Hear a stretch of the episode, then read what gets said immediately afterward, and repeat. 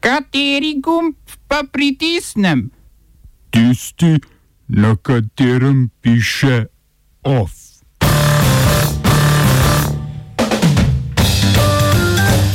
Fidesz je stopil iz Evropske ljudske stranke.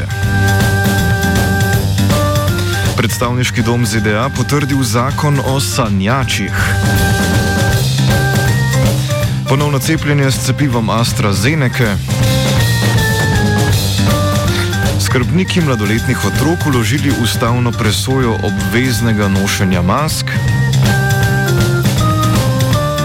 V kulturnih novicah pa nekaj besed o instalaciji umetnice Le Topolovec Pit Stop v galeriji Dobra Vaga.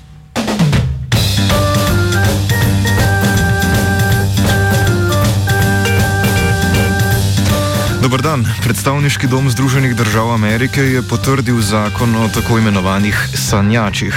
Gre za osebe, ki so jih še mladoletne v ZDA pripeljali starši ali skrbniki. Zakon bi veljal tudi za begunce. Podprlo ga je 228 poslancev, 197 pa jih je glasovalo proti. Zakon bo približno dvema milijonoma ljudi za deset let zagotovil pogojni zakoniti status, če so končali srednjo šolo in nimajo zgodovine resnih prekrškov. Po izteku lahko prosijo za zeleno karto, če so končali višjo šolo, služili v vojski ali pa so bili vsaj tri leta redno zaposleni. Po petih letih od prejetja zelene karte lahko zaprosijo za državljanstvo. Treba je povdariti, da mora zakon potrditi še senat, ki je podoben zakon leta 2019 zavrnil. Z več podpore pa je bil sprejet zakon, ki prebivanje za pet let in pol odobri agrarnim delavcem, ki so v ZDA nezakonito in brez katerih ameriških kmetijstvo preprosto ne more preživeti. Po osmih letih in plačilu kazni za nelegalen prehod meje bodo lahko zaprosili za zeleno karto. Prvo srečanje novega ameriškega zunanjega ministra Antonija Blinkna v vodilnimi predstavniki Kitajske ni potekalo dosti drugače, kot bi človek pričakoval, zlasti po Blinknovi izjavi, da bodo odnosi s Kitajsko takšni, ko bo ZDA pač najbolj ustrezalo. Kooperativni, po potrebi pa sovražni. Na Kitajsko je zvrnil tudi odgovornost za globalno nestabilnost, Ameriko poleg vsega tega skrbita še ravnanje z Ujguri ter odnos do Tajvana in Hongkonga. Kitajski zunajni minister Yang Jiechi je očitke vrnil ter opozoril na ameriški problem rasizma in policijskega nasilja, kar naj bi bil le kratek pozdrav pred kamerami pred začetkom delovnega sestanka za zaprtimi vrati, se je tako razvilo v javno obtoževanje. Um, given, uh, hold, hold on one second, please. Hold on one second. Mr. Director, uh, State Counselor, um, given your extended remarks, permit me please to add uh, just a few of my own before we get down to, to work, and I know Mr. Sullivan may have a few things to say as well. Um, I have to tell you, in my, my short time as Secretary of State, I've spoken to, I think, nearly 100 counterparts uh, from around the world. And I just made uh, my first trip, uh, as I noted, to uh, Japan and South Korea. Uh, I have to tell you, what I'm hearing is very different from what you described. 我们把你们想的太好了，我们认为你们会遵守基本的外交礼节。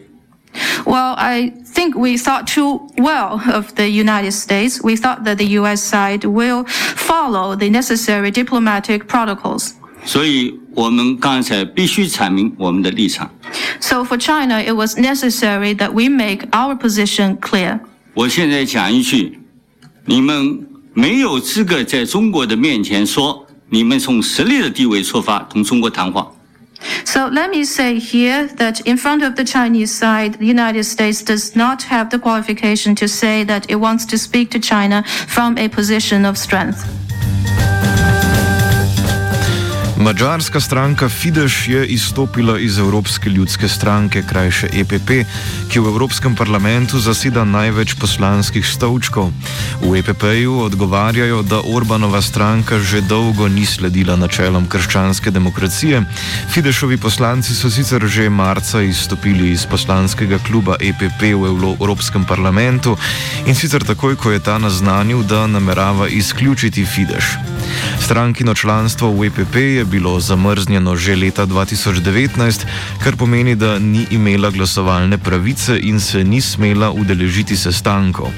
Fidesz ne počiva in že ustvarja novo stranko, ki bi poleg Fideša vključevala vladajočo polsko stranko PIS, italijansko ligo in podobne. Španski parlament je potrdil zakon, ki dovoljuje pomoč pri samomoru in eutanazijo. Od 350 poslancev sta za potrditev glasovala 202. Španija je s tem poslala, postala četrta evropska država, ki omogoča samovoljno končanje življenja. Sicer je dovoljeno le v redkih primerjih, da nimo ob neozdravljivi bolezni ali kroničnih bolečinah, dostopno pa bo samo državljanom in tistim, ki imajo v Španiji stalno prebivališče. Zahtevo mora oseba oddati dvakrat v presledku 15 dni, tako da je razvidno, da je zadevo dobro premislila, zdravniki pa bodo lahko uveljavljali ugovor vesti. Seveda temu nasprotujejo religijske in konzervativne stranke, skrajno desni Vox je napovedal uložitev ustavne presoje.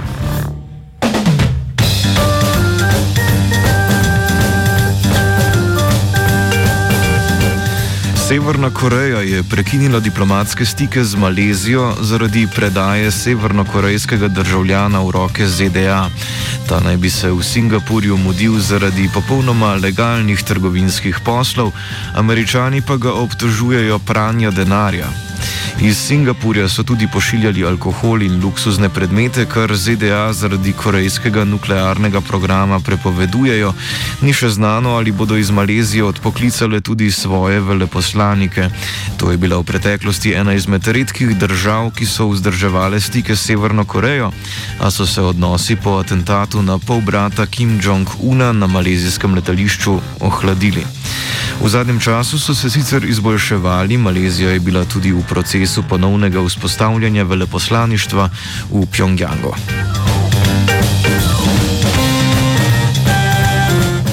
Črnogorska vlada ukinja program, s katerim je bilo možno pridobiti ekonomsko državljanstvo oziroma je bilo državljanstvo mogoče kupiti. To je premik k načelom Evropske unije in le eden v vrsti korakov, ki jih namerava vlada napraviti na področju zakonodaje in državne ureditve, da bi svoj sistem bolj približala tistemu, ki ustreza smernicam EU. Ta namreč meni, da so ekonomska državljanstva namenjena pranju denarja, financiranju terorizma, in korupciji, ter da omogočajo delovanje organiziranega kriminala. Oba, če, če bom odgovoril na angliški. Slovenija will try to help. Uh, we can. Slovenija will. Uh, and we will do our utmost to say that the situation is our problem ourselves. And uh, we will uh, make further steps as soon as the conditions are. Bomo vlado Marjana Cererja Šarca podprli. Uh, very, very serious. News from Slovenia. We know how and we will.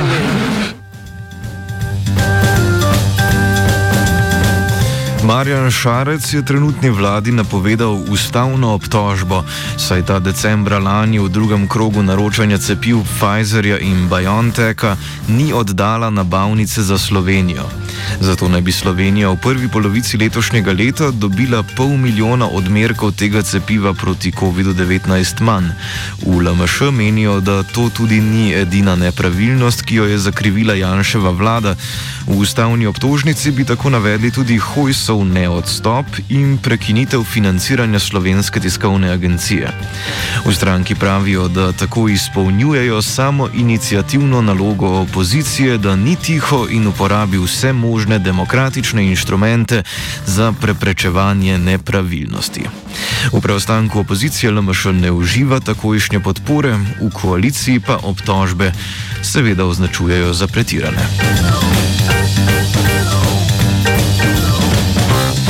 V državnem zboru so po 12-urni razpravi ministra za delo, družino, socialne zadeve in enake možnosti Janeza Ciglarja Kralja oprali suma slabega vodja, vodenja ministerstva. Za interpelacijo je glasovalo 38 poslancev proti pa 44. Uložila jo je opozicija, saj je Ciglar Kralj v epidemiji premalo naredil za starejše, še posebej tiste, ki stanujejo v domovih.